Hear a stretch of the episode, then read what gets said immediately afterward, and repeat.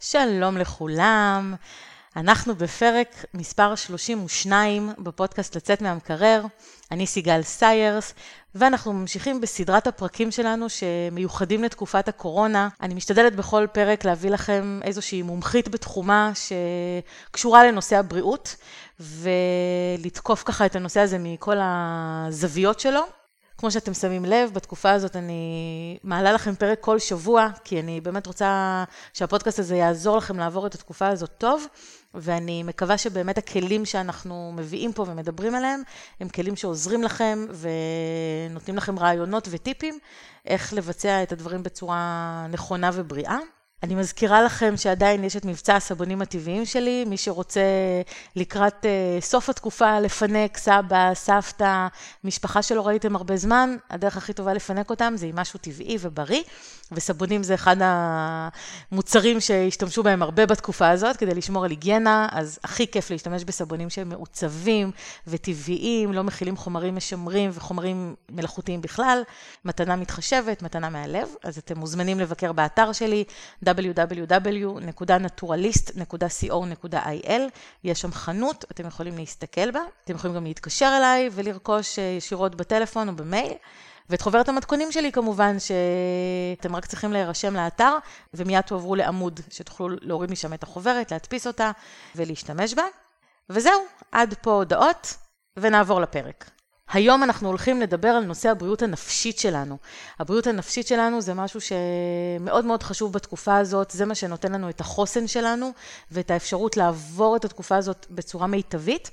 ואחד הכלים כדי באמת אה, לעבוד על הבריאות הנפשית שלנו, זה כלי שנקרא NLP. כדי לדבר על הנושא הזה, הבאתי לפה את חני קוזיאל אדמון, והיא תספר לנו על איך אנחנו יכולים להשתמש בו כדי להוציא מהתקופה הזאת את הטוב ביותר ולעבור את זה בצורה הכי בריאה מבחינה נפשית. אז אות ונתחיל.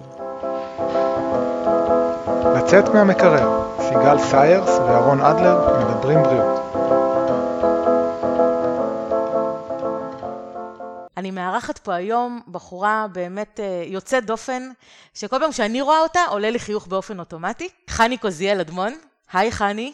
איזה כיף להיות כאן היום, שלום לכולם. נכון, האמת ש... שכיף זה באמת המילה שאני חושבת עליה כשאני רואה אותך בדרך כלל. וואי, איזה מחמאה, אני ממש מסמיקה. תמיד כשאני רואה אותך יש, יש מין תחושה כזאת של אנרגיות וכיף ואור, וטוב, המאזינים לא יודעים שאת גם בלונדינית, אז בכלל רואים אותך וזה מין שמש קטנה כזאת שמרקדת בסביבה. תודה, תודה, איזה כיף. אז אה, בואי, חני, בואי תציגי את עצמך, שיכירו אותך. אז אני אה, חני ואני מלווה אנשים ועסקים לתוצאות פורצות דרך. אני מאפשרת לאנשים להתחבר לעוצמה הפנימית שלהם, מאפשרת לאנשים להבין איך להשתמש בדבר החשוב והמשמעותי הזה שנקרא המוח שלנו, אה, כדי לייצר את התוצאות שהם רוצים בחיים ובעסק שלהם. אני מורה ל-NLP אה, ואני מלמדת אנשים בעצם איך לקחת אחריות, מנהיגות על החיים שלהם, על העסק שלהם, על, על כל הדברים שהם רוצים לשנות בחיים ואיך להתחיל לייצר ממש ברמה המיידית שינויים לעבר המקום שהם רוצים להיות בו. ככל שאת מציגה את עצמך, אני מניחה שהמאזינים שלנו בטח חושבים לעצמם, למה הבאתי אותך בעצם? מה הקשר לנושא הפודקאסט? וזה באמת אה, הזדמנות טובה לספר שאני שמעתי על NLP כבר מזמן, לפני המון שנים, אה, זה קיים כבר תקופה מאוד מאוד ארוכה, וידעתי שיש דבר כזה, לא, לא התייחסתי לזה יותר מדי, והפעם הראשונה שנחשפתי לזה ממש ממש ברצינות, לכל העולם הזה, היה כשלמדתי נטורופתיה. והסיבה שנחשפתי לזה כשלמדתי נטורופתיה, זה היה כי מסתבר שמעבר ל, אה, לטפל באנשים ברמה הבריאותית, מבחינת אה, הפרמטרים שלהם בדם וה, והמחלות שלהם וכל זה, יש אה, עניין מאוד מאוד חשוב של מה שאנשים חושבים על עצמם, או הדיאלוג הפנימי שהם מנהלים עם עצמם, כי אם אנחנו רוצים לעשות כל מיני שינויים בחיים, זה לא מספיק רק לקחת איזשהו פרוטוקול או מתכון ולנסות לעשות אותו, אלא צריך לעשות איזשהו שינוי פנימי. וזאת הסיבה שבעצם בעצם מלמדים גם NLP, אה, אנשים שלומדים להיות מטפלים, בהרבה, בהרבה תחומים, לא רק בנטורופתיה. וכשאני נחשפתי לעולם הזה, אז פתאום גיליתי משהו מדהים, זאת אומרת, באמת איזה כלי שבאמצעותו אפשר לעשות המון המון שינויים בחיים, וממש נחשפתי לאנשים ששינו את חייהם כתוצאה מזה.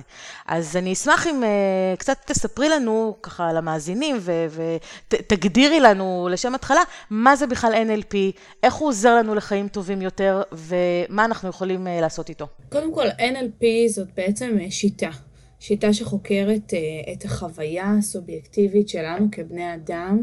הראשי תיבות זה בעצם Neuro-Linguistic Programming, ש... ובעברית? תכנות עצבי לשוני, יש לזה כל מיני תרגומים שאת יכולה לתרגם אותם אה, אה, לעברית. אבל בואו רגע נפרק את זה בדקה ורבע ונבין ככה מה זה השיטה הגדולה והמטורפת הזאת ואיך היא בעצם יכולה להיות רלוונטית לחיים של כל אחד ואחת מאיתנו. כשאנחנו מדברים על הנוירו, אנחנו מדברים בעצם על הנוירולוגיה שלנו, על היכולת של כל אחד ואחת מאיתנו להשתמש במוח שלנו כדי להשפיע על הרגש, כדי להשפיע על התוצאות שלנו ביום-יום. לינגוויסטיק מציין בעצם את השפה, וזה בדיוק מה שאמרת, זה הכוח של הדיבור הפנימי שלנו ושל מילים ממש ליצור שינוי ולהשפיע בצורה כל כך משמעותית על החיים שלנו, כי לכל אחד מאיתנו יש את הדיבור הפנימי הזה. אה, כולנו מדברים לעצמנו כל הזמן, את זה כולנו יודעים, מבינים. קחו לכם רגע ותחשבו על כל המחשבות שעוברות לכם בראש, על כל הדיבור הפנימי שאתם עושים אה, בכל פעם שאתם רוצים להחליט משהו, מהדברים הכי הכי קטנים, איך לשתות את הקפה של הבוקר, ולאיזה מקום אתם בעצם אה, רוצים ללכת, ומה סדר הפעולות שאתם צריכים לעשות היום. לדיבור הפנימי הזה יש השפעה מטורפת עלינו, וכשאני מדברת על השפעה, אני מדברת על השפעה על הביטחון העצמי שלנו, אני מדברת על השפעה על רמת האנרגיה שלנו, אני מדברת מדברת על השפעה ממש על המערכת החיסונית ועל היכולת של הגוף שלנו להתמודד עם, אה, עם מחלות, שזה משהו שהוא מאוד מאוד רלוונטי לתקופה שבה אנחנו בעצם חיים ולכל הטירוף שמסביבנו. וה-P של ה-NLP בעצם זה מגיע מהמילה programming, ש programming זה בעצם תכנות. אה, מאוד דומה לשפת המחשבים, זה בעצם לקחת ולתכנת, לשנות, לחווט מחדש הרגל מסוים, אה, שיח מחשבתי מסוים, רגש מסוים שכבר אנחנו מרגישים שהוא לא משרת אותנו בחיים שלנו. אז תחשבו שהיה לכם איזשהו ספר אה, הוראות שבו הייתם יכולים להבין באמת איך המוח שלנו עובד, והייתם יכולים לפתוח את הספר הזה ולהבין בכל פעם שיש לכם איזשהו הרגל שאתם רוצים לשנות אותו, אם זה איחורים או דחיינות או כעס אה, או אכילה רגשית. או אם אתם רוצים לבסס איזשהו הרגל חדש בחיים שלכם, של להתחיל לעשות ספורט, והכל נמצא שם, בתוך הספר הזה. הכל נמצא בתוך ספר ההוראות הזה, זה בעצם ה-NLP. לכן הוא היום מוגדר כ... כשיטה שעוזרת לאנשים להגיע למצוינות אישית, אה, מאפשרת לאנשים באמת להוציא את הטוב מעצמם, להיות במיטבם. את מתארת פה המון המון המון אה, אפשרויות להשתמש בכלי הזה, שהוא ה-NLP, ומן הסתם כל אחד יכול לקחת את זה למקום שלו, אבל מכיוון שאנחנו פה בפודקאסט על בריאות, ואנחנו נמצאים בתקופת הקורונה, אז אה, אני רוצה כן אה, לבדוק איתך איך אנחנו בעצם יכולים להיעזר בכלי הזה כדי לעבור את התקופה הזאת טוב יותר. כי בכל זאת, זו תקופה שהיא מאוד עתירת סטרס, זו תקופה שהיא לא קלה לנו, היא כבר נמשכת די הרבה זמן. אנחנו נמצאים... כבר כמה שבועות בבית, יש אנשים שכמעט ולא יוצאים בכלל. אנחנו נמצאים אה, עם הילדים שלנו, עם המשפחה שלנו, תקופה לא קלה. ואם את יכולה בעצם אה, לתת לנו כמה רעיונות או כמה אה, כלים מתוך כל השיטה הזאת, איך אנחנו יכולים להיעזר בה כדי לעבור את התקופה הזאת יותר טוב. אני רוצה להתחיל באמת מלדבר על הדיבור הפנימי הזה, שיש לנו, שכל אחד מדבר עם עצמו, שאנחנו פוגשים אותו ביום-יום, חלק לא מודעים אליו בכלל, כי הוא כל כך uh, טבעי וכל כך... Uh, אנחנו כל כך רגילים לשמוע אותו. אני חושבת שאנחנו פשוט מתייחסים לזה בתור המחשבות שלנו. נכון, לגמרי. בעצם המחשבות שעוברות לנו בראש. לגמרי, זה כל המחשבות האלה ש... שעוברות לנו בראש, והמחשבות האלה והדיבור הפנימי הזה, כמו שאמרנו, יש לו השפעה מאוד מאוד משמעותית על מצב הרוח שלנו, ועל האנרגיה שלנו, ועל היכולת שלנו באמת להאמין שיהיה בסדר, או שהנה סוף העולם מגיע. זה משפיע בעצם על כל אה, יכולת יומיומית ועל כל תוצאה שאנחנו מקבלים ביום-יום בזמן רגיל, ועל אחת כמה וכמה בזמן שהוא כל כך אה, משברי וכל כך ככה אה, מבולגן ומבולבל, כמו התקופה שבה אנחנו חיים. אבל איך זה משפיע? כלומר, איך, איך אם אני חושבת כרגע איזושהי מחשבה טובה, נקרא לזה במרכאות, לעומת אם אני חושבת איזושהי מחשבה רעה או שלילית, איך זה משפיע עליי? מה זה משנה בעצם מה עובר לי בראש מבחינת ההתנהלות היומיומית שלי, או, או המציאות, את יודעת, זה פשוט, יש מציאות מסוימת, כולנו נמצאים במציאות הזאת, מה זה משנה מה בן אדם אחד חושב לעומת בן אדם אחר? כי בסופו של דבר, מה שמשפיע על התוצאות שלנו ועל ההתנהגויות ועל הפעולות שאנחנו בוחרים לנקוט, זה ממש הפרשנות והמחשבות שעוברות לנו בראש. ואיך זה בעצם עובד אצלנו אה, בגוף, אצלנו במוח, זה שכל מחשבה בעצם מייצרת אצלנו בגוף סדר של פעולות שקורה גם ברמה הפיזיולוגית, גם ברמה ההורמונלית וגם ברמה הרגשית. זאת אומרת שכשאני חושבת כל מיני מחשבות על הקורונה ואני אומרת לעצמי איך הדבר הזה קרה עכשיו ואיזה משבר ואיך אני אקום ממנו ואיך העסק שלי יהיה אחרי ואיך אני אתמודד ואיך... זה מיד גורם לגוף שלי להיכנס לתחושה של סטרס ממש משפיע ברמה ההורמונלית. אה, אנחנו יכולים לראות איך זה משפיע גם על שפת הגוף שלנו, הגוף ככה יותר מתכנס, וממש ממש מהר אנחנו יכולים להרגיש גם את התחושה הלא נעימה שמתפשטת אצלנו בגוף, את הרגש שמדבר. עכשיו, בואי ניקח את זה רגע ליום-יום שלנו, כשאני נמצאת במצב רגשי כזה, מה, מה בא לי לעשות? מה יכולה להיות הפרודוקטיביות שלי? זאת אומרת, אני יכולה לקום ועכשיו לחשוב על אוקיי, מה אני אעשה? ואיך אני אקח את הלימונים שקיבלתי ולעשות ממנו לימונדה? ממש ממש לא. ממש בא לי רגע רק לשים את הנטפליקס. לשקוע לעצמי ולהתכסות בפוך ולחכות עד יעבור זעם. פשוט ככה, לשקוע, העניין הוא ש, שזה שגרה חדשה. בואו נודה על האמת, אף אחד מאיתנו לא באמת יודע מה הולך להיות כאן. אף אחד מאיתנו לא באמת יודע לאן כל הדבר הזה הולך להתפתח. ולכן היכולת הזאת רגע לשלוט במצב הרגשי שלנו, לשלוט באנרגיה שלנו, היא קריטית. כי כשאנחנו שולטים במצב הרגשי שלנו, קורה בדיוק הפוך. כשאני נמצאת באנרגיה גבוהה, אז ההשפעה שקורית אצלי בגוף בדיוק הפוכה ממה שדיברנו עליה. ההורמונים שמופרשים אצלי בגוף, הרגשות שמתעוררים אצלי בגוף והדיבור הפנימי שלי גורמים לכך בעצם שאני אהיה מסוגלת לעשות כל מיני פעולות שבמידה ואני בוחרת דווקא בחרדות, בדיבור השלילי, זה עולם שלם של דברים שבכלל אין לי נגישות אליהם. זה כאילו יש עולם שלם של פעולות, של אפשרויות, של הזדמנויות, שאני בכלל בכלל לא חשופה אליהן. טוני רובינס אומר שאסטרטגיה, פעולות, זה חלק כל כך חשוב ומשמעותי, אבל מאוד מאוד קטן בתוך הסיפור של איך אנחנו בעצם יכולים להתמודד עם אתגרים שאנחנו מקבלים אותם בחיים שלנו. והחלק הגדול מבחינתו ומבחינת איך שאנחנו מסתכלים על זה ב-NLP, זה בעצם היכולת שלנו לשלוט במצב הרגשי, באותם סיפורים פנימיים שאנחנו מספרים לעצמנו בראש. כי לכל אחד ואחת מאיתנו יש את המשאבים לשלוט במצב הרגשי. העניין הוא שרובנו לא יודעים את זה. אנחנו מבחינתנו חיים באיזשהו flow. זורמים. באיזושהי זרימה, כן. כשאנחנו עצובים אנחנו עצובים, כשאנחנו שמחים אנחנו שמחים, כשטוב לנו טוב לנו וכשלא לא. אה, העניין עם מחשבות זה שכשיש לי מחשבה שלילית, מחשבות הן כמו נמלים. אנחנו אוהבים להסתכל על זה בצורה הזאת. כשיש נמלה קטנה והיא מגיעה ומוצאת איזשהו גרגר סוכר או איזשהו ממתק קטן על הרצפה, היא אף פעם לא, זה אף פעם לא תישאר נמלה אחת, היא מזמן מיד תזמין את כל החברות שלה אה, אה, לבוא ולקחת מלא גרגרים, ופתאום אתה פתאום אה, רואה שיירה ענקית של נמלים שבאות אה, לשם, בדיוק אותו דבר עם מחשבות.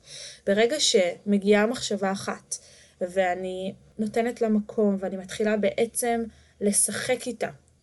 אנחנו קוראים לזה להפוך אותה לאיזשהו סרט, להיכנס לסרטים, כמו שאנחנו הרבה פעמים אה, אה, אומרים. אז מה זה אומר להיכנס לסרטים? זה בעצם לקחת איזושהי מחשבה וממש להפוך אותה למוחשית, לאמיתית, להפוך אותה לסרט. כי הרגש שלנו הוא בעצם הופך להיות כמה שיותר גדול, חזק ומשמעותי, ככל שהחוויה הרגשית שלנו היא יותר גדולה. ומה שגורם לחוויה רגשית להיות גדולה, זה שהיא נראית אמיתית. שמה שאנחנו חווים כרגע נראה אמיתי. את יודעת, זה מזכיר לי, זה מזכיר לי קצת מה שאת אומרת, כלי אחר ש, שאנחנו משתמשים בו, שהוא דמיון מודרך. ששם אנחנו משתמשים בו בדיוק ההפך, אנחנו מנסים לגרום לאנשים להתחיל לחשוב אה, דווקא דברים טובים, כלומר לדמיין את עצמם ולהמחיש לעצמם במחשבה.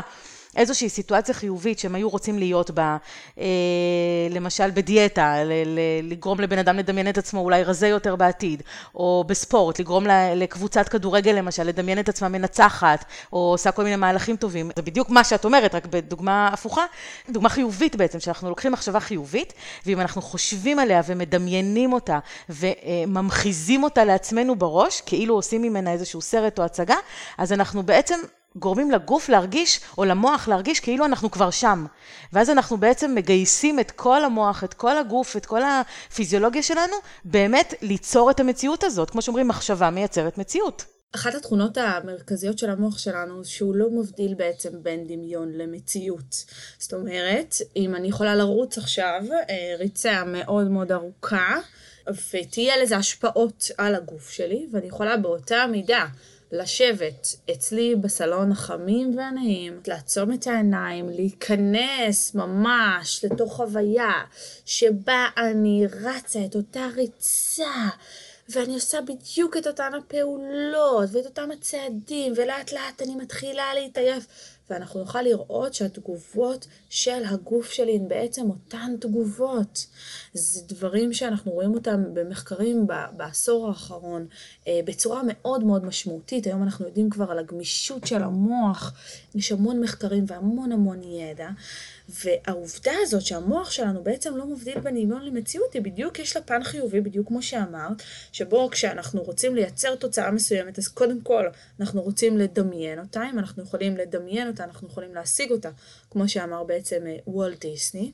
העניין הוא שיש לזה גם את כל הפן הפחות חיובי, כי כמו שהמוח שלנו יודע לדמיין מטרות, כמו שהמוח שלנו יודע לדמיין מצבים שאנחנו רוצים להשיג, באותה מידה המוח שלנו יודע להיכנס לסרטים, תסריטי אימה, מכל אותם דברים שאנחנו פוחדים מהם, מכל אותם דברים שאנחנו חרדים מהם.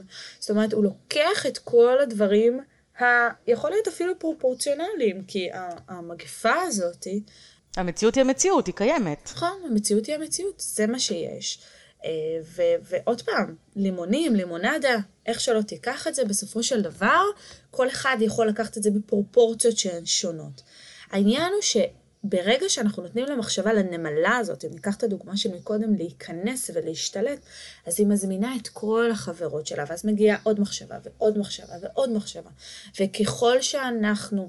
שוקעים בתוך המחשבות האלה, אנחנו בעצם נכנסים ללופ שמאוד מאוד קשה לנו בעצם לצאת ממנו. זאת אומרת שבמקום להתעסק רגע בהפריה, באיך אני לוקח את כל הדבר הזה ומנצל אותו לטובתי האישית, אנחנו בעצם שוקעים לתוך מקומות הישרדותיים. כשאני מסתכלת על העולם מתוך משקפיים של הישרדות, אני לא רואה שום דבר אחר. אני מבחינתי, זה הדבר הכי חמור שקרה. ועכשיו אין לי שמץ של מושג מה לעשות איתו, והכל מאוד מאוד חמור ומאוד מאוד שחור, ומאוד מאוד קשה להתקדם ולקום מהמקום הזה. מאוד קשה לייצר דברים חיוביים מהמקום הזה. מה שמוביל אותנו לעניין שכדי להתחיל לייצר משהו בתוך התקופה המטורפת הזאת, אנחנו חייבים להתחיל לעבוד על השליטה הרגשית שלנו, ועל זה אנחנו תכף נדבר. אוקיי, okay. אז לפני שתגידי את זה, אני, או, או שזה בעצם קשור, כשאני, אה, אני יכולה נניח, כשאני יודעת שאני נמצאת בסיטואציה מסוימת, אז אה, להרים את עצמי ולחשוב מחשבות טובות, אה, ובאמת לנסות לקחת את זה למקום טוב, ואז אני מגיעה לחדשות של שמונה בערב, ושוב יש הצהרה של אחד מהקודקודים, שאומרים לנו עוד איזשהו משהו שאנחנו ישר לוקחים את זה לאיך זה ישפיע עלינו, הם מעריכים את הסגר, הילדים יחזרו לגן בשלב יותר מאוחר, למשל, אני נותנת דוגמאות, או המענק לעצמאים לא גבוה כמו שהיינו רוצים אולי, כל מיני עובדות בעצם שהם מפילים עלינו, שאנחנו כל פעם מחדש צריכים לעשות מין שיפט כזה במחשבה, להגיד, אוקיי, אז עכשיו זה המצב, אוקיי, אז עכשיו זה המצב, וכל פעם אנחנו צריכים לשנות את המחשבה שלנו בהתאם לאיזה משהו חדש שקורה. אז איך בעצם אנחנו יכולים כל פעם לרפרש, מה שנקרא, את, ה, את התהליך המחשבתי שלנו, כדי שהוא כל הזמן יישאר חיובי? כי בסך הכל זה קשה להישאר כל הזמן חיובי, כשכל הזמן נופלות עליך עוד ועוד מכות. אלא אם כן אתה אולי בן אדם מאמין, ואתה חושב, את יודעת, יש היום כל מיני אה, אה, אה, הנחות כאלה, או, או סיפורים כאלה של למה זה קרה, ואיך זה קרה, ומה העולם בא להגיד לנו, מה הטבע בא להגיד לנו, יש כאלה, ומי שמאמין, אז, אז אוקיי, סבבה. אבל בתור בן אדם שמנסה באמת לחשוב על היום שאחרי, כשכל פעם אתה רואה ש, שיהיה לך אולי מאוד מאוד קשה אחר כך, איך אפשר כל, כל פעם להחזיר את עצמנו למחשבות החיוביות האלה? או שאולי זה באמת קשור למה שאת אומרת, לעשות, לפתח את המיומנות הזאת של השליטה הרגשית. אז, אז בואי תגידי אם זאת הכוונה שלך, ואם כן, אז בואי תגידי איך עושים את זה. אז בואו נתחיל רגע מישור קו באיך זה עובד. אז יש לנו אירוע מסוים ש, שקורה במציאות. שגורר אצלנו בראש כל מיני מחשבות, אותן מחשבות, אני פותחת רגע סוגריים קטנים, לקוחים ממה שכל מה שאנחנו מכירים כבר לגבי עצמנו, לגבי החיים, לגבי איך שגדלנו, זה דברים שנוצרים אצלנו מהרגע שאנחנו נולדים וכל, לאורך כל הילדות שלנו.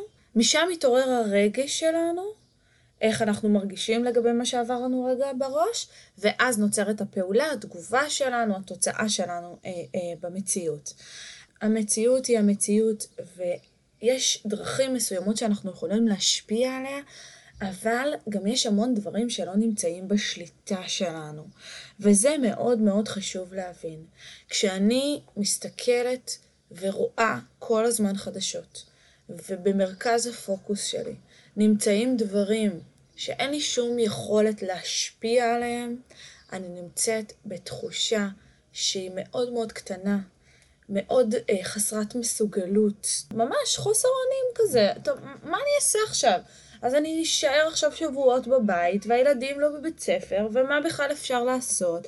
ומה יהיה אחרי זה עם העסק בכלל? יהיה עסק, לא יהיה עסק, אנשים כן יוציאו כסף, לא יוציאו כסף, איך בכלל להרים את עצמי אה, לתוך איזושהי שגרה חדשה, ובכלל איך להביא את עצמי למצב שאני עושה משהו בתוך כל הטירוף הזה. וכל עוד אני מרכזת את תשומת הלב שלי בחדשות, בעיתונים, בכל המדיה שבעצם זורמת ושולטת במצב הרגשי שלי, אז יש לי פה בעיה מאוד מאוד גדולה.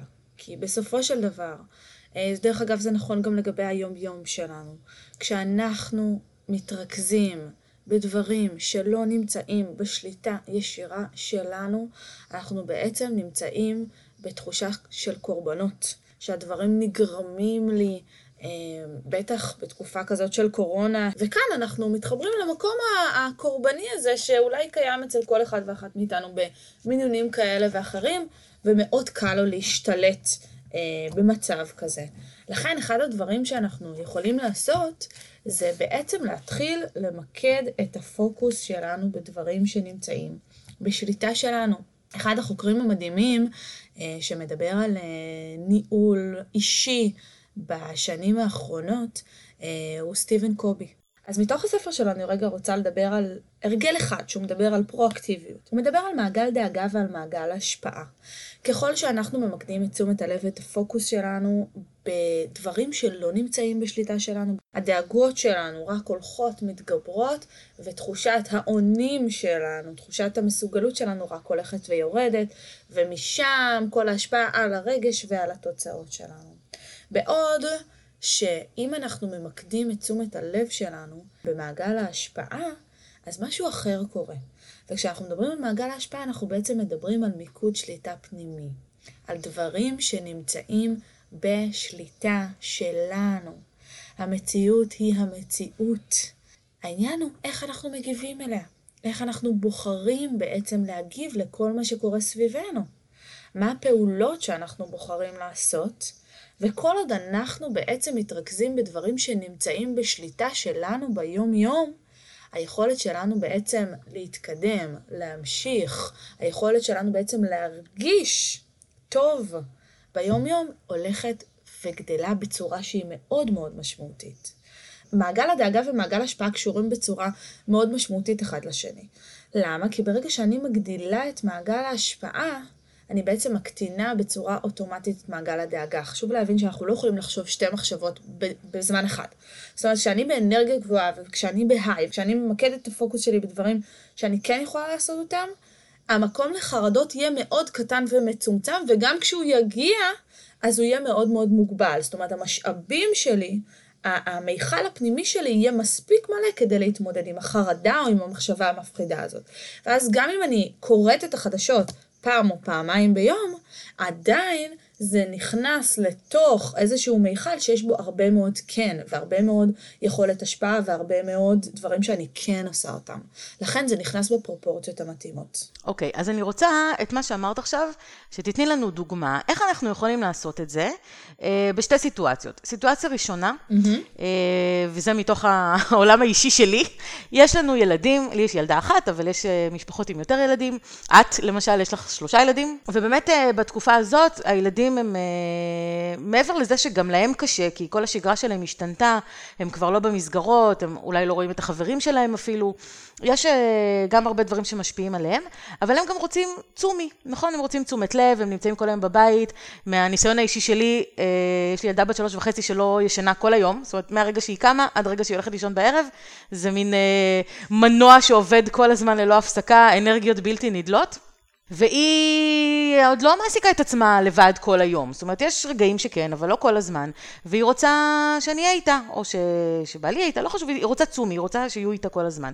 ואנחנו, לא תמיד יש לנו את האנרגיה משלנו, ולא תמיד אה, יש לנו כוח. אנחנו עושים עוד דברים, בכל זאת. אנחנו, אם אנחנו עצמאים, אנחנו רוצים גם לקד... להמשיך לקדם את העסק שלנו, אה, שהוא לא ימות בתקופה הזאת.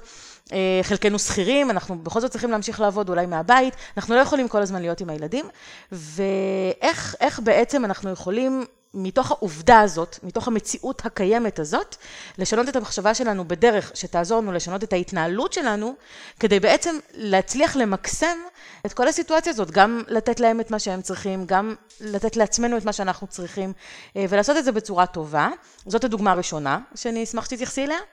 הבעיה האחרת שקיימת בסיטואציה הזאת זה נושא של הקשישים. קשישים או אפילו אנשים שהם לבד בבית, גם אם הם מסיבה אחרת לבד בבית, רווקים, אה, לא משנה, אנשים שהם לבד בבית, אבל בעיקר קשישים, שזה באמת מצב קשה. אה, איך הם יכולים אולי להשתמש בכלי הזה כדי אה, ליצור לעצמם אולי סיטואציה יותר חיובית ממה שנגזר עליהם, כי הם לבד, הם, אין להם את התמיכה המשפחתית, אה, אם זה מבוגרים אז הם לא תמיד רואים את הנכדים, הילדים לא תמיד מתחברים לטכנולוגיה הזאת של זום או קצת אינטרנט ולעשות דברים בדיגיטל, ואז גם זה לא קורה והם לא רואים אותם. איך בעצם שתי הסיטואציות האלה, אנחנו יכולים להשתמש אה, ב-NLP ובכל אה, מה שסיפרת לנו, כדי בעצם אה, להפוך אותן לחיוביות יותר. בואו נתחיל בנושא של, ה, של הילדים, כמו שאמרת. כמו שבאמת ציינת קודם, אני אימא לשלושה ילדים קטנים, שהגדול ביניהם הוא, הוא בן תשע, הקטן ביניהם הוא בן שלוש.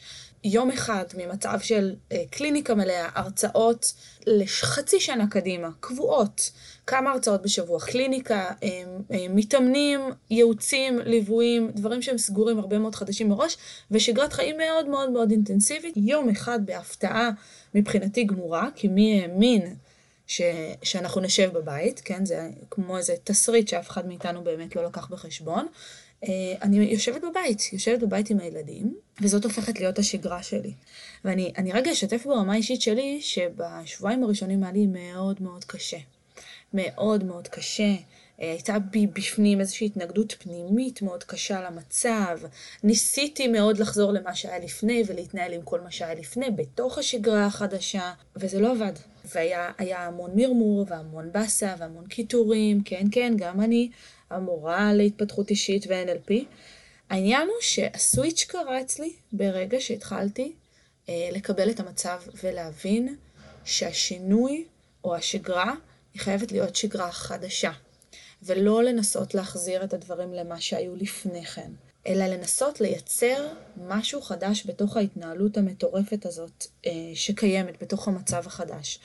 ורק להגיע לאפשרות בעצם לשנות את הגישה הזאת, לשנות את מסגרת ההתייחסות, את המשקפיים האלה שהיו, הצריך ממני אה, עבודה פנימית. שבמידה ואנחנו רוצים, כל אחד ואחד מהאנשים שמאזינים רגע לפודקאסט הזה, תראו, שינוי של, של, אה, של משקפיים זה דבר שיכול לקרות ברגע. אז כמו שאנחנו מרכיבים אה, משקפיים מסוג מסוים, וברגע שיש שמש אנחנו רוצים בעצם להרכיב אה, משקפיים אחרות, משקפי השמש, מחליפים למשקפי ראייה, ככה אנחנו בעצם יכולים לשנות את הגישה שלנו. זה דבר שלוקח רגע אחד. ופוקוס הוא כל הסיפור מבחינתי. פוקוס זה מה אני בוחרת להתמקד בו בכל רגע נתון. כי האנרגיה שלי זורמת למקום שבו תשומת הלב שלי נמצאת, למקום שבו נמצאות המחשבות שלי. אה, יש משפט אה, מדהים שאומר שאתה נמצא במקום בו נמצאות מחשבותיך. חשוב שתוודא שהמחשבות שלך נמצאות במקום שבו אתה רוצה להיות. זה משפט מדהים של אה, רבי נחמן מברסלב, ובוא ניקח רגע את המשפט הזה וננסה להבין אותו. פוקוס הוא כל הסיפור בעצם, אנחנו אומרים. אז כשאנחנו רוצים בעצם להתחיל לייצר לנו שגרה חדשה, אנחנו רוצים להתחיל לייצר פוקוס שונה. כי אם עד עכשיו הפוקוס שלי היה במצב הנוכחי, או בכל מה שהיה בעבר, ואיך העבר לא הולך לחזור, או בכל מיני דאגות למה שקרה בעתיד, בעתיד ובעבר, שם נמצאים הפערים בין, בעצם בין המצב שאני נמצאת בו היום, לבין כל מיני דברים שאני רוצה להשיג, או כל מיני דברים שהיו לי. וכל עוד אני ממקדת את הפוקוס במקומות האלה, הדאגות משתוללות. כי בעצם אין לי שום יכולת להשפיע, לא על העבר ולא על העתיד. אין לי יכולת. אין לי יכולת להשפיע על העבר ועל העתיד, בטח שלא אה, בשגרה המטורפת הזאת של הקורונה, שאין לי שום יכולת להשפיע גם על הרבה מאוד דברים אחרים. לכן, כדי למקד את הפוקוס שלי במעגל ההשפעה האישי שלי, אני צריכה להתחיל לשאול מה כן. מה כן נמצא בשליטה שלי? איפה אני כן יכולה להשפיע? מהם הדברים שאני יכולה לשנות במעגלים המאוד קרובים אליי, בדברים שנמצאים בשליטה הישירה והמיידית שלי. כי מספיק שאני מתחילה לחוות חוויות הצלחה מדברים קטנים, אני אתן דוגמאות, בסדר? מאוד מאוד פרקטיות ככה, מה, מהחוויה הרגשית שלי שכל אחד יוכל לקחת אותן. אני חושבת שהתקופה הזאת הייתה תקופה מאוד משמעותית עבורי, כי בכל פעם שהרגשתי שאני מאבדת את הדרך שלי, והיו הרבה פעמים כאלה, עשיתי לעצמי איזשהו כוונון מחדש. זאת אומרת, לקחתי איזושהי משימה. אמרתי לעצמי, איך אני רוצה לשנות את הדברים מכאן?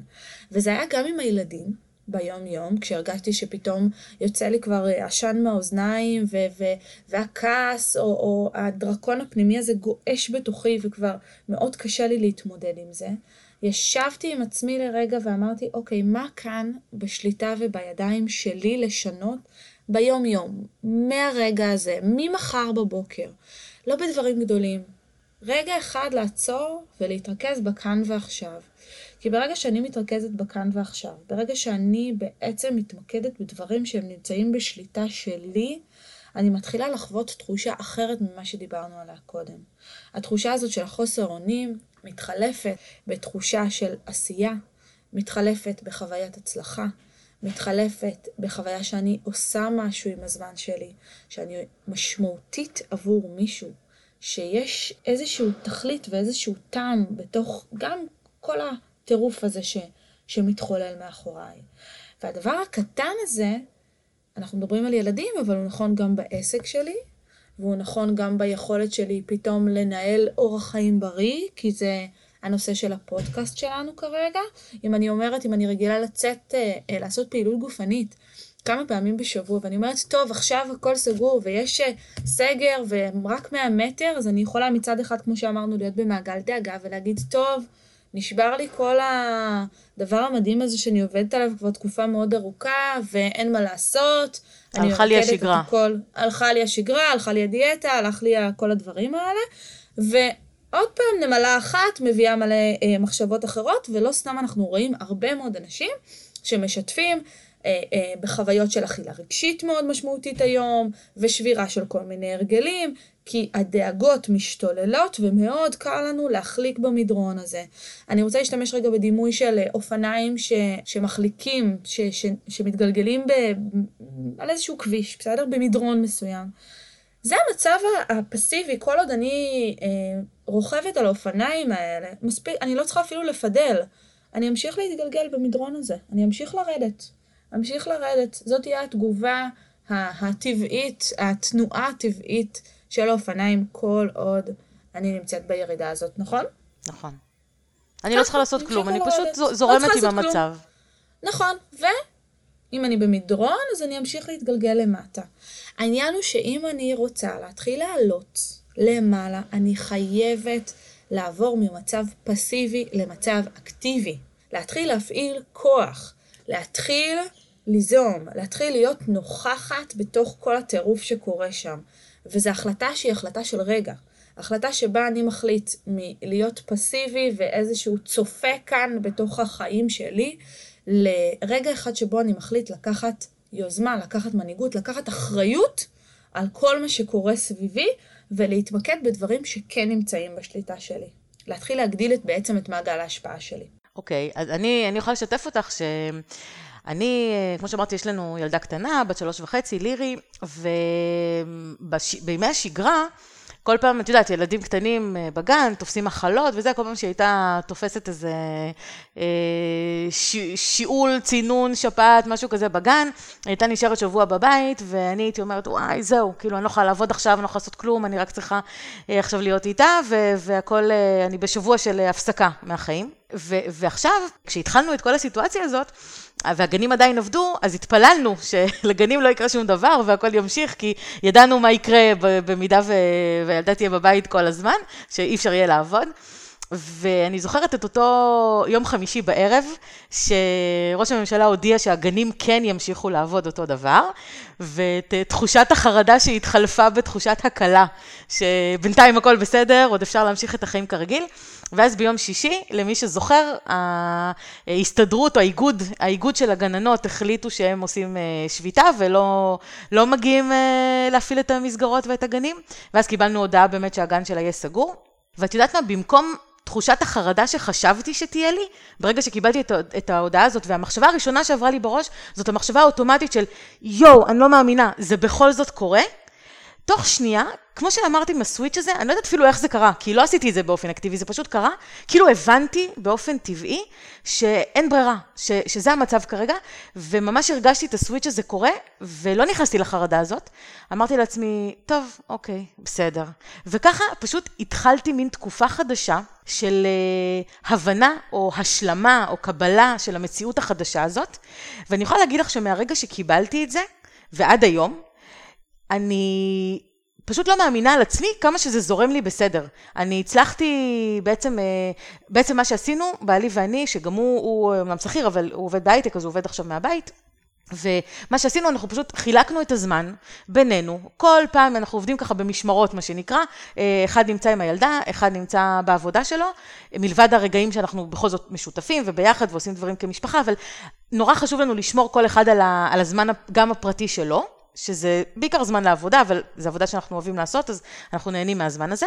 וזה בעצם, כמו שאמרת, מה שגורם לנו להרגיש עדיין חיוניים, עדיין שאנחנו עושים את ה... מתקדמים בחיים שלנו, מתקדמים עם הדברים שלנו, למרות המצב הזה. אז במקרה, במצב שלי, היה לי אולי קל לעשות את הסוויץ' הזה, כי הוא, הוא פשוט קרה. אני, אני לא יודעת איך, אני חושבת שאני צריכה לחזור אחורה ולנסות להבין איך הוא קרה. אם אנחנו רגע מנסות לנתח את זה רגע, אז עוד פעם, אמרנו שזה לא מה שקורה בחוץ. בחוץ משפיע על המצב הרגשי שלנו, אלא הפרשנות והמיצג הפנימי שלנו. ברגעים הראשונים שבהם היית במחשבה של וואי, מה יקרה, והלוואי, והיו שם הרבה מאוד תחושות נכון. של רק שזה לא יקרה. כשעוד היה סיכוי, כשעוד היה לא סיכוי שיקרה משהו אחר. אם היית ממשיכה, נכון. עכשיו בואי נגיד ש, שלא היית עושה את הסוויץ' והיית ממשיכה במצב הזה, עוד פעם, המדרון הוא לאט לאט היית מתגלגלת בתוכו. העניין הוא שבחרת במחשבה שונה, שמת את הפוקוס שלך באיך כן. בדיוק עשית את מה שאנחנו מדברים עליו כאן, ובעצם אמרת איך אני יכולה לבסס איזושהי שגרה חדשה שתאפשר לי, למרות כל הטירוף ולמרות המציאות, כן להתנהל בדרך ש, שאני מאמינה בו, שמביאה לידי ביטוי את החוזקות ואת העוצמות שלי, ותמשיך שגרה חדשה. בוא נקרא לזה ככה, שגרה חדשה בעצם. בול. Okay? אוקיי? נכון, זה מה שעשינו, שגרה חדשה. יפה. אז, אז זה מה שאנחנו בעצם רוצים לעשות. אה, לבסס איזושהי שגרה חדשה, להפסיק להתנגד למצב, להבין שאנחנו לא נוכל כנראה לחזור לשגרה שהיינו בה, כי הקורונה מתברר כאן כדי להישאר, אה, נצטרך להסתובב עם מסכות אה, ולא יהיו התכנסויות. ומקומות עבודה יושפעו בצורה מאוד משמעותית, וכן בית ספר, לא בית ספר, וזה הזמן לקבל את המצב. זה המצב. אני חושבת שחלק ממה שעושה את זה גם אפשרי, זה שכולם באותו מצב. כלומר, אני לא מרגישה לבד בסיטואציה, כולם באותה סיטואציה איתי. זה, זה אחד הדברים גם שעזרו לי כש... כשבאמת לא יכולתי, שהייתי צריכה לבטל את כל הסדנאות, שאנשים, כמו שאת מספרת על עצמך, היו לי סדנאות קבועות כבר שבועות מראש, חודשים מראש אפילו, אה, התכנסויות גדולות, הרצאות, היה צריך, צריך לבטל את הכל, אבל מה שעזר לי זה להבין שאני לא לבד פה, זה לא, זה לא שאני בבית וכל העולם ממשיך להתקדם בלעדיי, אלא כולם בבית, כולם עוצרים, אף אחד לא, לא מתקדם, עד שאנשים התחילו כן למצוא את הדרכים להתקדם. כמו שאת אומרת, עם הלייבים בפייסבוק, עם הזום, עם כל מיני אה, שיטות וירטואליות ודיגיטליות, אז, אז זה באמת אחת הדרכים. אבל אצלי היה לי את המזל שבאמת יש לי בן זוג שמשתף פעולה, ש, שמתאים לו לעשות את מה, ש, מה שמתאים גם לי. לא כולם נמצאים במצב המצב הזה. אם יש אנשים שאין להם את האפשרות גם לקחת פסק זמן מה, מהילדים או מהמשפחה ולעשות את הדברים שלהם. אבל זה כל אחד בסיפור שלו, כל אחד במציאות שלו. נכון, כל אחד בסיפור שלו. בדיוק, אז, אז אנשים נגיד שלא, שזה כן קשה להם, שכן נמצאים בסיטואציה שהיא אה, מאוד קשה להם עכשיו. לא בטוח שנוכל להגיע למצב האידיאלי שלנו, אוקיי? או לאידיאל שבו אנחנו רוצים להיות ולנהל שגרה רגילה, אה, ושהעסק ימשיך לפעול כרגיל. אה, יש שכן באחד הבניינים שצמודים אליי, שאני רואה אותו ממשיך, ממשיך לרוץ 100 מטר. אני יושבת במרפסת, שותה את הקפה של הבוקר, ואני רואה אותו, הוא, אדם, הוא, הוא רץ בסיבובים. עכשיו, אה, מכמות הסיבובים שהוא עושה, הוא רץ הרבה. ואני יכולה להגיד לך גם שבעלי שהוא אה, מרתוניסט, באחד הימים פה אה, אה, שהוא לא הלך לעבודה, הוא עובד אה, אה, בשירותים חיוניים, והוא היה כאן בבית, והוא רגיל לרוץ. פינינו כאן את כל הבית, והוא רץ, אה, לדעתי, שמונה קילומטר או, או עשר קילומטר בבית, שזה המון. שזה מטורף, ואנחנו מדברים פה על איזה, אני לא יודעת כמה מטרים יש מקצה לקצה, אבל זה, זה מטורף. זאת אומרת, שבסופו של דבר, כל אחד ביחס לעצמו, זה ממש לא משנה מה השגרה היומיומית שלי ו- ו- ואיך אני מתנהל שם. העניין הוא שאני אני רוצה לזוז מהמקום שבו אני נמצא שתי צעדים קדימה. ואז עוד שתי צעדים קדימה, ואז עוד שתי צעדים קדימה, ביחס למקום שבו אני נמצא היום, וזה ממש לא משנה מה כולם אל תסתכלו החוצה. כשאנחנו מסתכלים החוצה ואנחנו משיבים את עצמנו לאנשים אחרים, ומה הקולגות שלי עושים, ואיך אלה ממשיכים לעשות, ואלה עושים זומים, זה עוד פעם מוריד לנו את האנרגיה. לא. כל אחד ביחס לעצמו. אני רוצה לתת כמה שאלות שעוזרות לנו רגע להיכנס להלך רוח פרואקטיבי, להיכנס לתוך מעגל ההשפעה. אז נתקלנו בסיטואציה מסוימת, אוקיי? וכל אחד יכול לקחת בעצם משימה אחת, מטרה אחת שהוא היה רוצה לעשות בשבוע, שבועיים, בחודש הקרוב, אוקיי? זה יכול להיות להגדיל הכנסות בעסק, זה יכול להיות לבסס שגרה של ספורט ופעילות גופנית, זה יכול להיות לאכול יותר בעירי, זה יכול להיות זמן איכות עם הילדים. להתחיל דיאטה. מטרה. קודם כל, אני רוצה לשאול את עצמי אה, מה אני באמת רוצה, אוקיי? מה אני באמת רוצה, מה מבחינתי צריך לעשות. והשאלת מפתח כאן היא איך כן לעשות את הדבר הזה. איך אני יכולה לקחת עמדה של אחריות, עמדה של הובלה, ולהתחיל לעשות פעולות גם בתוך המצב שבו אני נמצאת. כי כשאני שואלת איך כן, זה, זה ממש state of mind אחר. אנחנו צריכים להבין רגע שהמילים או המחשבות, אמרנו, מייצרות אצלנו ממש מציאות, פיזיולוגיה שונה בגוף, משפיעות עלינו ברמת הרגש, אוקיי? כשאני שואלת איך כן, השאלה הזאת מתחילה לייצר אצלי פוקוס שונה, מתחילה להשפיע על המצב הרגשי שלי, והפלא ופלא, הפוקוס שלי שהשתנה מתחיל לייצר עוד ועוד הזדמנויות. וואלה, שיניתי משקפיים, ממשקפיים אפורות למשקפיים הירוקות שלי, של איך כן, ופתאום מלא מלא הזדמנויות מתחילות להגיע אה, לתוך הפריים שלי, לתוך הסקופ שלי. אחת מהנחות היסוד הכי משמעותיות ב-NLP, שאומרת שהאנרגיה זורמת לאן שתשומת הלב מופנית. זאת אומרת, מאוד מאוד בקצרה, זה כשאני קונה רכב חדש, פתאום אני שמה לב לכל אותם רכבים מאותו סוג שנמצאים מסביבי. כשאני קונה נעליים חדשות, אה, אני שמה לב לכל האנשים שיש להם את אותו מותג כמוני. כשאני מנסה להיכנס להיריון, אני פתאום, פתאום שמה לב לכל האנשים בהיריון בסביבה שלי. וכשאני מחפשת אה, דירה להשכרה, אני, אני מסתכלת על אותן מודעות של השכרה או מכירה שנמצאות על הבתים, בעוד שכל שאר האנשים בכלל לא שמים לזה לב. זאת אומרת שהמחשבה או השאלות שנשאל את עצמנו אה, וטיב המחשבות שלנו יקבעו בעצם את אותן הזדמנויות שיגיעו אלינו לסקופ. זה לא שאין לנו הזדמנויות. זה לא שאין הזדמנויות בכלל. יש המון הזדמנויות. כולנו יכולים להתחיל לצעוד את הצעד, שניים האלה קדימה, ואז עוד שני צעדים קדימה, אם נתחיל בעצם לשנות ולהשפיע על טיב המחשבות ועל טיב השאלות שאנחנו שואלים את עצמנו. זה טיפ קריטי ומאוד משמעותי להתחיל לשאול איך כן. לשים מטרה אחת מול העיניים, מאוד קונקרטית, מאוד ברורה, ולהגיד איך אני כן יכול לעשות את זה. מה אני צריך לעשות, מה סדר הפעולות שבתוך גם השגרה המטורפת הזאת, אני עדיין כן יכול לעשות. ויש המון רעיונות. אז בואי נלך רגע לדוגמה השנייה שהיא קצת יותר קשה. הנושא של הקשישים, שהם נמצאים לבד, אה, זה לא כזה פשוט. זאת אומרת, זה כבר משהו אחר, זה לא למצוא הזדמנויות להשיג את מה שאני רוצה, הם פשוט לבד, והם בעצם תקועים אה, עם עצמם, עם המחשבות שלהם, עם הבדידות שלהם.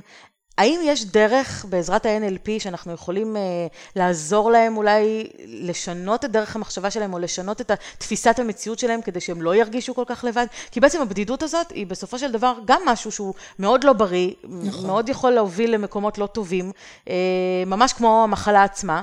והשאלה אם אנחנו יכולים באמת באמצעות uh, שינוי המחשבה לגרום להם לעבור את התקופה הזאת בצורה יותר טובה.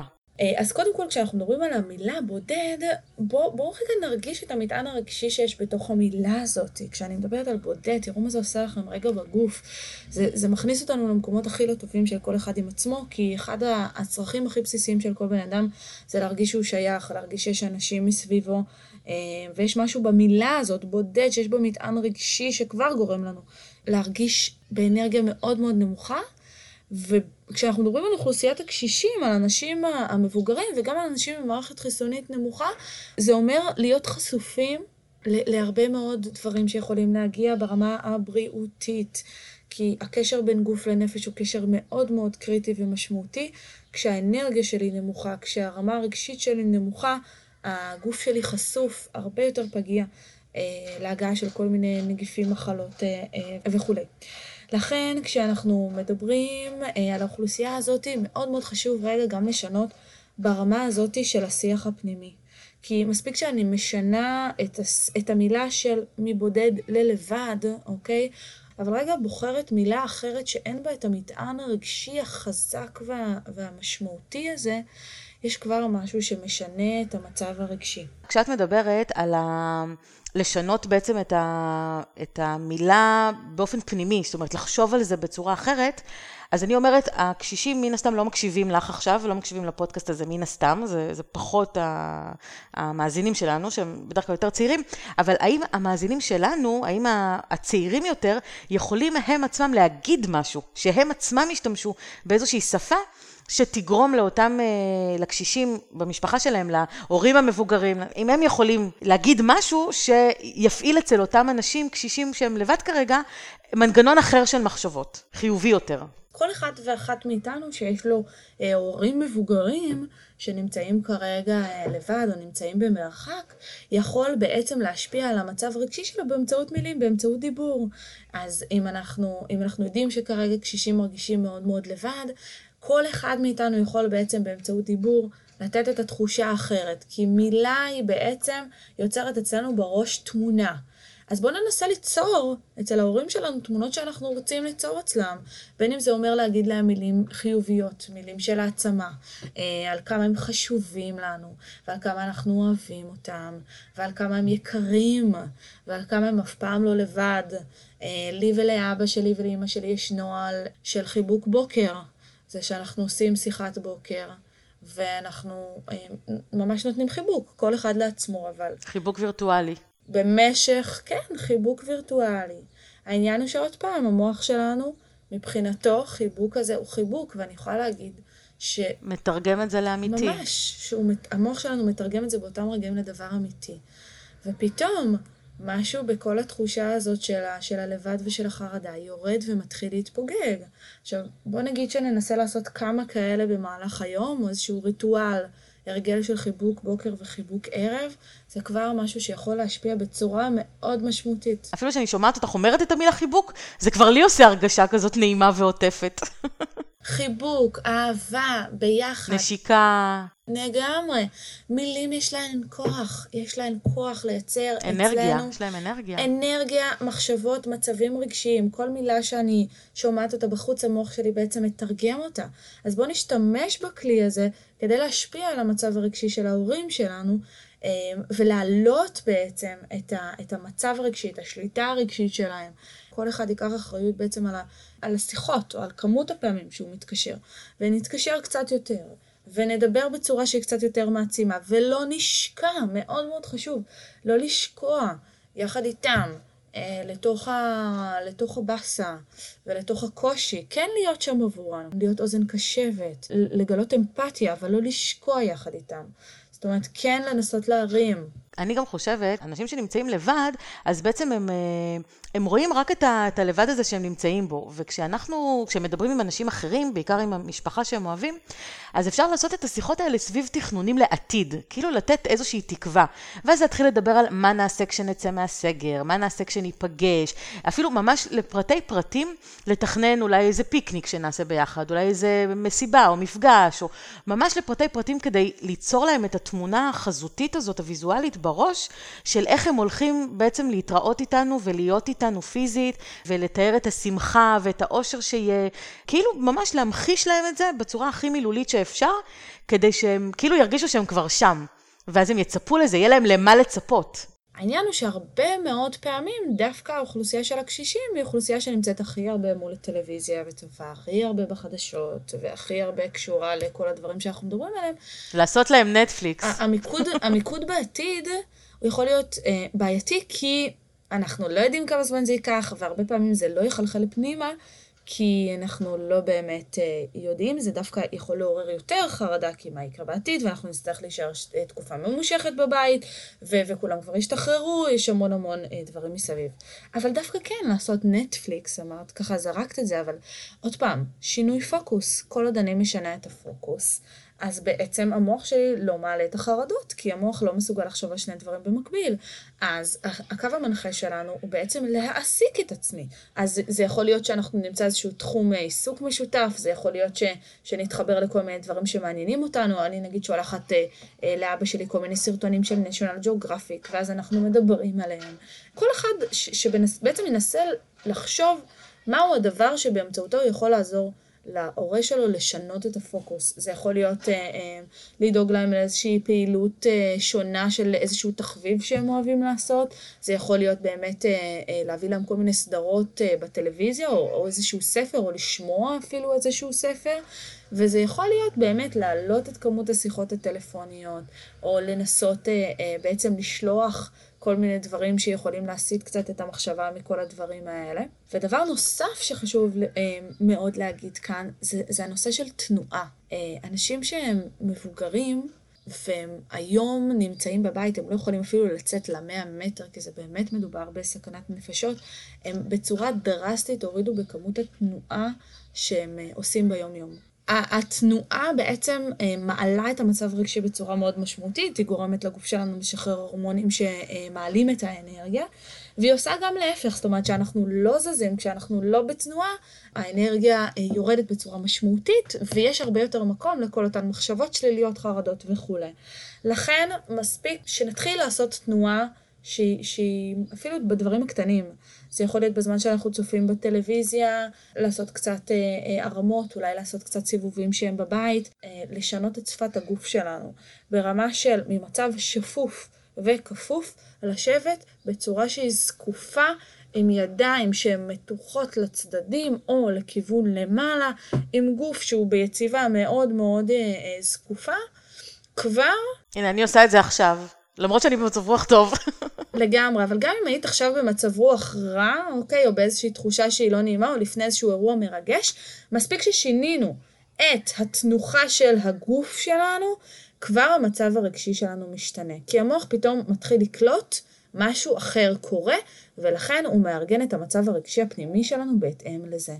תנו את הטיפ הקטן הזה להורים שלכם, תעשו אותו כמובן גם אתם בעצמכם, אבל אם אנחנו יודעים שתנועה ושפת גוף משפיעים בצורה מיידית על המצב הרגשי שלנו, מספיק שכשאני קמה בבוקר, אז אני אתמתח בצורה ככה מאוד מאוד חזקה, ואני, ואני אדמיין לעצמי איזושהי, איזשהו ניצחון, או, או אני אוהבת לדמיין אה, כגיבורת על. גם הבת שלי. מדהים, כי זה, כי זה ברגע אחד גורם לי להתחבר לאיזושהי תחושה טובה, נכון. אוקיי?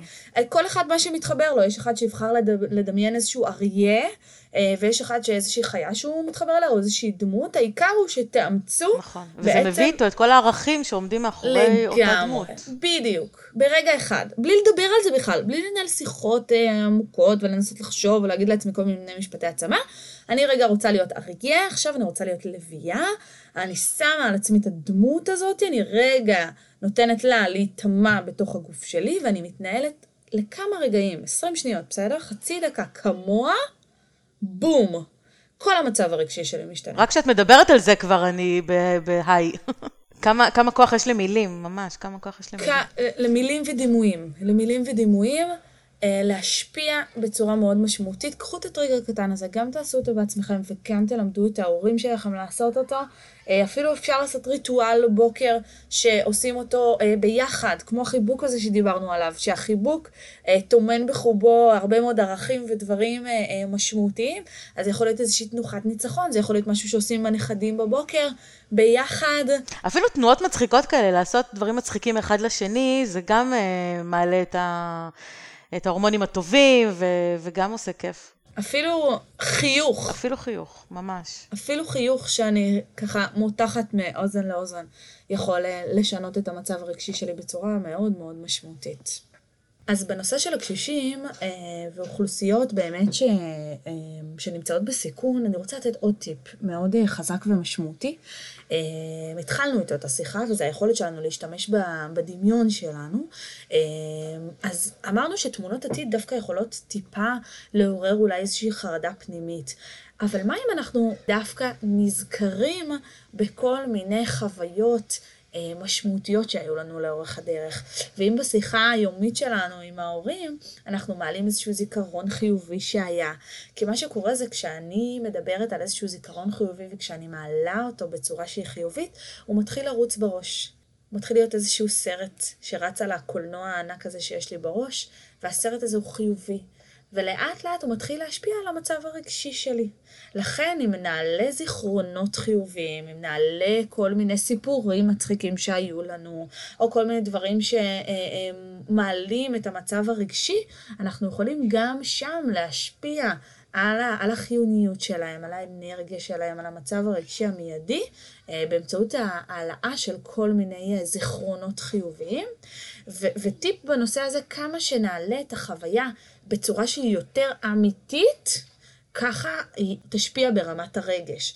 ממש מה, מה ראינו שם, ואתה זוכר שזה היה ככה, ואיך הלכנו לים, או בטיול הזה שעשינו שם, וכמה צחקנו, ואיך היה את העניין הזה עם הזה, ואני ממש יכול לשמוע את הצחוק הזה. ממש, מה אנחנו רואים, מה אנחנו שומעים, ואיך הרגשנו באותו מצב, ופתאום כל הסרט הזה עולה אצלנו בראש. ומשפיע על הרמה הרגשית שלנו. זה עוד איזשהו משהו שאנחנו יכולים להשתמש בו, כמובן גם על עצמנו, להעלות זיכרונות חיוביים, להיכנס אליהם, כאילו הם קורים כאן ועכשיו. וגם עבור ההורים שלנו. דרך אגב, עוד משהו אה, שאנחנו עושים, לפחות לבת שלי, התמזל מזלה ויש לה סבא וסבתא משני הצדדים, עד 120, ומה שאנחנו עושים זה, אנחנו שולחים להם כל הזמן תמונות בוואטסאפ ממה שקורה פה. זאת אומרת, כל המשחקים שהיא משחקת ומה שאנחנו עושים איתה, כשהיא אוכלת, באמת מתעדים כל רגע ורגע שלה במהלך היום, ושולחים להם תמונות, ואז הם בעצם מרגישים שהם חלק מזה. כלומר, הם אולי לא נמצאים איתנו פיזית, אבל הם רואים, וזה לא שאת יודעת, פתאום אחרי חודש הם אה, רואים את הילדה ואומרים, וואו, איך היא גדלה פתאום, איך לא, אין לנו מושג מה קרה איתה בזמן הזה. לא, הם ממש חלק מכל מה שקורה, הם אה, יודעים, ואז אפשר גם לדבר על הדברים האלה. ראיתם איך היא יכלה ככה וככה? ראיתם איך היא שיחקה בזה וזה? מדהים. ראיתם איך היא למדה לעשות... את יודעת, כל מיני דברים. אז באמת, לשתף אותם ולהפוך אותם לחלק מהחיים שלנו, מהיומיום שלנו, למרות שהם רחוקים. מדהים. וגם הילדה משמשת כעוגן רגשי. נכון. בכל פעם שהם רואים את הפרצוף החמוד והמתוק נכון. שלה, אז הם פתאום מתמלאים ב... ב- בתחושות של אהבה ושמחה. ומופרש אוקסיטוצין, ועושה. לנו טוב. ממש, נכון, ממש נכון, ככה, נכון. לגמרי. אוקיי, אז, אה, אז, אז זה ממש מעולה. אחד הדברים ש, שמאוד מאוד, אה, אני חושבת, התקופה הזאת מזמנת לנו או מאפשרת לנו, זה לעשות משהו שאולי הרבה זמן רצינו לעשות ולא היה לנו את הזמן, לא הייתה לנו ההזדמנות, משהו שרצינו לעשות, שאנחנו מתכננים, ולא לא יצא, והנה פתאום יש לנו תקופה. שבאמת אנחנו לא עושים את הדברים הרגילים שלנו, אנחנו מתנתקים מהחיים, של, מה, מהחיים הרגילים שלנו. כל העולם בעצם כמעט בעצירה, ואנחנו יכולים להשקיע את הזמן פתאום במשהו חדש. אם אנחנו רוצים ללמוד משהו חדש, להתחיל לעשות איזושהי פעילות גופנית, להתחיל לעשות דיאטה, להתחיל, אה, לא משנה מה, לעשות איזה משהו שלא עשינו קודם ולא היה לנו זמן, לסדר את החדר, לסדר את הארונות, לסדר את המחסן, לא חשוב. כל אחד והצ'יפ הזה שיושב לו על הכתף, והוא יודע שהוא צריך באיזשהו שלב לעשות את זה, ולא הגיע לזה עד עכשיו, הנה תקופה מדהימה כדי כן להתחיל. אבל, המוח שלנו, כמו שאמרת, הוא, יש, יש משפט כזה שאומר, אה, לא משפט, יש חוק שאומר, גוף בתנועה שואף להישאר בתנועה. אבל זה גם ההפך, גוף בעצירה שואף להישאר בעצירה.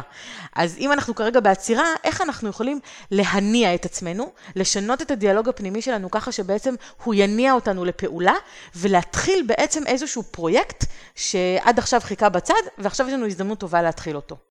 אז בואו בוא נדבר ממש ממש פרקטי. אמרנו שאנחנו רוצים, ברגע שאנחנו רוצים להתחיל לעלות במדרון, אנחנו צריכים להשקיע אנרגיה, ולעבור ממצב פסיבי למצב אקטיבי. כמו הילוך ראשון באוטו, שהוא כאילו ההילוך הכי... שנותן את הכוח. הדבר הראשון שאנחנו יכולים לעשות זה בעצם לקחת אה, אה, ממש דף ועט ולרשום לעצמנו 30 דברים שאנחנו רוצים, היינו רוצים לעשות בתקופה הקרובה, אוקיי? דברים קטנים. זה יכול להיות דברים קטנטנים, זה יכול אה, להיות לקחת אה, שיעור גיטרה, אה, להתחיל ללמוד מילים בשפה חדשה, לעשות פעילות גופנית, כל דבר שאנחנו רוצים לעשות אותו בשלושה חודשים הקרובים. בואו נציב ככה איזשהו יעד שהוא באמת בתקופת זמן קרובה. רשימה, קצת להתחיל לפתוח את הראש, למקד את התשומת לב שלנו במה כן אנחנו רוצים, להתחיל לייצר בהירות, התחלה של בהירות, במה כן, בצעדים קדימה, בפרואקטיביות, אוקיי? ברגע שעשינו את הדבר הזה, זה הצעד הראשון בעצם, ההילוך הראשון, כמו שאמרת. עכשיו אנחנו רוצים להתחיל להתקדם קדימה. והדבר השני הוא בעצם להתחיל לבסס את כל מה שדיברנו עליו ברמה היומיומית. ברמה של להעלות את האנרגיה ולעבוד על האנרגיה שלי במהלך היום. זה אומר שאם אני קמה בבוקר, אז אני רוצה להתחיל את הבוקר שלי באיזשהו ריטואל, באיזשהו אה, אה, אה, הרגל של לעבוד על האנרגיה שלי. כל אחד עובד לו משהו אחר. זה יכול להיות להתחיל את הבוקר ומיד, איך שאני קמה, אני שמה לי מוזיקה שאני אוהבת. אני, אני כבר מתעוררת בשעון המעורר שלי עם אה, מוזיקה, עם שירים מקפיצים ודברים שאני אוהבת לשמוע, כי מוזיקה היא עוגן רגשי. היא משפיעה בצורה מיידית על המצב הרגשי שלנו. או לעשות איזו מדיטציה קטנה. ואם זה לא נגיד מוזיקה, להישאר זה יכול במיטה להיות איזה כמה דקות, ותנועה, ולחשוב ואם זה לא ספורט מחשבות... ותנועה, אה, זה יכול להיות, אה, כמו שאמרנו, על אה, לעשות איזושהי תנוחת ניצחון, ו- ולעבוד על, ה- על שפת הגוף שלנו ועל עמידה יציבה. כל אחד שימצא לו את הדבר הזה שהוא יכול לעשות בבוקר בצורה שהיא יחסית קלה, היא לא דורשת ממנו הרבה השקעת אנרגיה. לא הייתי אומרת לכם, תתחייבו עכשיו כבר בשלב הראשון לעשות uh, חצי שעה פעילות גופנית בבית, אם אתם בכלל לא עושים אותה עכשיו, אלא לבחור משהו קטן שהסיכוי שלא תעשו אותו הוא קטן. חוויית הצלחה מיידית. איזושהי פעילות שתעלה לכם את האנרגיה. אז זה יכול להיות מוזיקה, כמו שאמרנו, זה יכול להיות כבר איך שאני קמה להתמתח ולהיות ביציבה אה, מאוד אה, מתוחה במשך 60 שניות, אבל זה יכול להיות אה, לעשות פעילות גופנית, כל דבר שבעצם משפיע. אני ממליצה לשמור ליד המיטה איזה בקבוקון של שמן אתרי שאתם אוהבים את הריח שלו, נגיד לימון או משהו כזה מקפיץ ו- ומעורר, ופשוט לקחת איזה הערכה קטנה, גם אה, בזמן שיושבים וחושבים על הדברים האלה, זה מאוד מקפיץ, זה מאוד פותח את האנרגיות ואת ה- את המחשבה, זה, זה גם משהו שככה יכול מאוד מאוד להוסיף. לגמרי. יש היום כל כך הרבה מדיטציות. אה, מי שקל לו ועושה את זה יכול באמת להישאר כמה דקות במיטה ולדמיין מצבים רגשיים שהם חיוביים, לחשוב על המטרות שלו בעתיד, לחשוב על אה, מקומות שהוא אוהב להיות בהם. זה יכול להיות אה, שאני יושבת במיטה ומדמיינת את הים, שומעת את רעש הגלים וממש מתחברת. זה מדהים. אני, אני רוצה להעלות את זה לעוד רמה. אוקיי?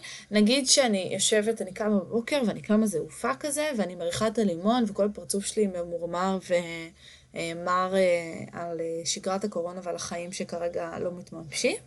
ובמקום זה, אם אני יכולה רגע לקחת את הלימון הזה ושנייה ממש להריח אותו ולהסניף אותו לתוכי, וממש להרגיש אותו, ול, ולדמיין איזשהו פרח צהוב כזה, או איזה שדה פרחים.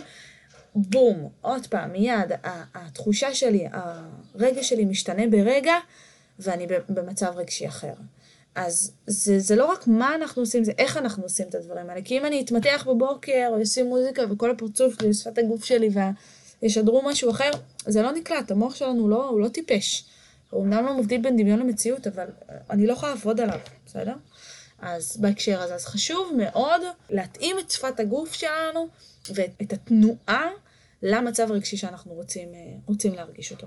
זה משהו כמו שאומרים fake it until you make it. הכוונה, תעשה את זה גם מתוך מודעות ומתוך כוונה, עד שזה יהפוך להיות הטבע השני שלך וכבר לא תצטרך להשקיע מחשבה, זה כבר יהיה שם לבד. הפייק איט יכול לעבוד אם אני באמת יכולה לגרום לעצמי גם אם אני עדיין לא שם, להרגיש את התחושות האלה. זאת אומרת, אם אני אעמוד מול המראה ואני אגיד לעצמי, אני ווינרית, אני מדהימה. לא שכנעת אותי. לא שכנעתי את עצמי, בסדר? לא שכנעתי את המראה ולא שכנעתי את עצמי. זה בדיוק העניין. השכנוע הפנימי הזה. אתם רוצים להתחיל להרגיש טוב? תשכנעו את עצמכם, תעמדו מול המראה ותשכנעו את הדמות הזאת שניצבת לפניכם, שאתם מרגישים טוב, שאתם ווינרים, אוקיי? וכשאנחנו צריכים לשכנע מישהו אחר, אז אנחנו עושים את זה בכל האמצעים נכון. שעומדים לרשותנו, באמצעות הקול, ובאמצעות שפת הגוף שלנו, ובאמצעות הדיבור, ובאמצעות השימוש במילים. אז תדמיינו שיש שם מישהו פשוט, שאתם צריכים לשכנע אותו, שזה המצב הרגשי שלכם עכשיו. ואז זה הופך את זה להרבה יותר קל. אוקיי. אז בעצם את אומרת, כדי להתחיל איזושהי עשייה, אז פשוט לאמץ לעצמנו כל פעם איזה משהו קטן שאנחנו רוצים להשיג מתוך זה, ופשוט להצליח בדברים הקטנים, ואז לאט לאט אנחנו בעצם משיגים את, ה... את הפרויקט הגדול יותר. אז עכשיו אני רוצה לשאול אותך את השאלה הכי קשה, שאלה אחרונה והיא הכי קשה. אנחנו נמצאים בתקופה שכמו שאמרנו, אנחנו כל היום בבית עם כל המשפחה, וגם עם בני הזוג שלנו. וזוגיות זה דבר שגם ככה בימים של שגרה הוא לא דבר קל, נכון? אנחנו מתמודדים עם המון דברים ברגע שאנחנו צריכים אה, לחיות עם עוד בן אדם, ועכשיו עוד יותר, כי אנחנו באמת 24/7 אה, אה, נמצאים עם אותו בן אדם, יש צורך להתחשב יותר, יש צורך להתאים את עצמנו יותר. האם אנחנו יכולים, בתקופה הזאת של המתח והעצבים וכל מה שקשור בזה, בעזרת NLP, בעזרת שינוי השיח, לעשות משהו שהאינטראקציות תהיינה יותר חיוביות מאשר שליליות? א', ברור שאנחנו יכולים לעשות. כן, זאת הייתה שאלה רטורית. כן. אז אה, כלי מדהים מתוך ה-NLP אה, מדבר בעצם על, אה, על עמדות תפיסה. עמדות תפיסה זה בעצם היכולת שלנו רגע לשים את עצמנו בנעליים של האחר, להבין אותו, יותר טוב, להבין את המקום שממנו הוא פועל. אה, יש הנחת יסוד מדהימה ב-NLP שאומרת שכל תקשורת היא בעצם אה, איזשהו צורך באהבה או הבעה לקריאה לעזרה. שזה אומר בעצם שמאחורי כל צרחה, כל acting out, כל התנהגות רגשית כזאת צעקנית ומושכת תשומת לב, מסתתר איזשהו צורך, איזשהו צורך אנושי, פנימי, עמוק. אבל לפעמים בתוך הסערה הרגשית אנחנו לא מצליחים לראות את הצורך. אנחנו לא מצליחים לראות את הצרכים של האנשים האחרים שנמצאים איתנו. רגע הצצה לתוך מה שקורה אצלנו בתוך הרגש, שרגילים לשגרה מסוימת.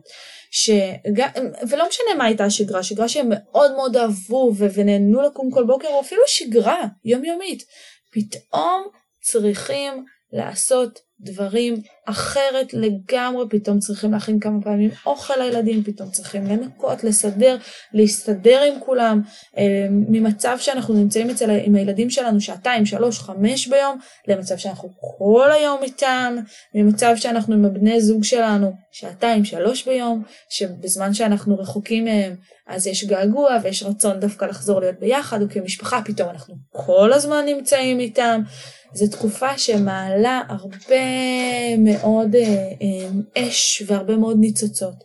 ולכן אם כל אחד מאיתנו רגע ינסה להבין את הצרכים של הצד השני, רגע ינסה לשים את עצמו במקום הבן אדם שנמצא מולו, אה, זה יאפשר לנו רגע להוריד את כל, ה, את כל משחקי האגו לפעמים שקיימים, ו, ואני בטוחה שאצל הרבה מאוד זוגות יש כל מיני ריבים ומחלקות על מי יעבוד ומי יישאר עם הילדים, אמ, ואולי איזה בן זוג יצא לעבודה ומי יישאר ומי יעשה מה ואיך יתקדמו ועל כל מיני נושאים כלכליים וכספיים שכרגע נמצאים על הפרק. וכל הדברים שדיברנו עליהם היום של הפוקוס ואיפה אני ממקדת את תשומת הלב שלי והשימוש במילים הוא נכון גם כאן. אוקיי, okay, אז אנחנו אה, עומדות לסיים. קודם כל, היה לי ממש ממש מעניין, כי באמת עברנו על כל כך הרבה דברים, ויש לי תחושה שאם היה לנו זמן, היינו יכולות גם להמשיך לדבר על זה כל היום. יש כל כך הרבה נושאים בעולם הזה. ובכל זאת, אם את יכולה לתת לנו שלושה טיפים הכי משמעותיים, איך אנחנו הולכים להשתמש בכל מה שסיפרת לנו ובכל מה שלימדת אותנו היום, החל מאחרי הפודקאסט הזה, כדי לעבור את התקופה הזאת יותר טוב. שלושה טיפים ממוקדים ומעשיים וקצרים. אחד, עשייה, החלטה.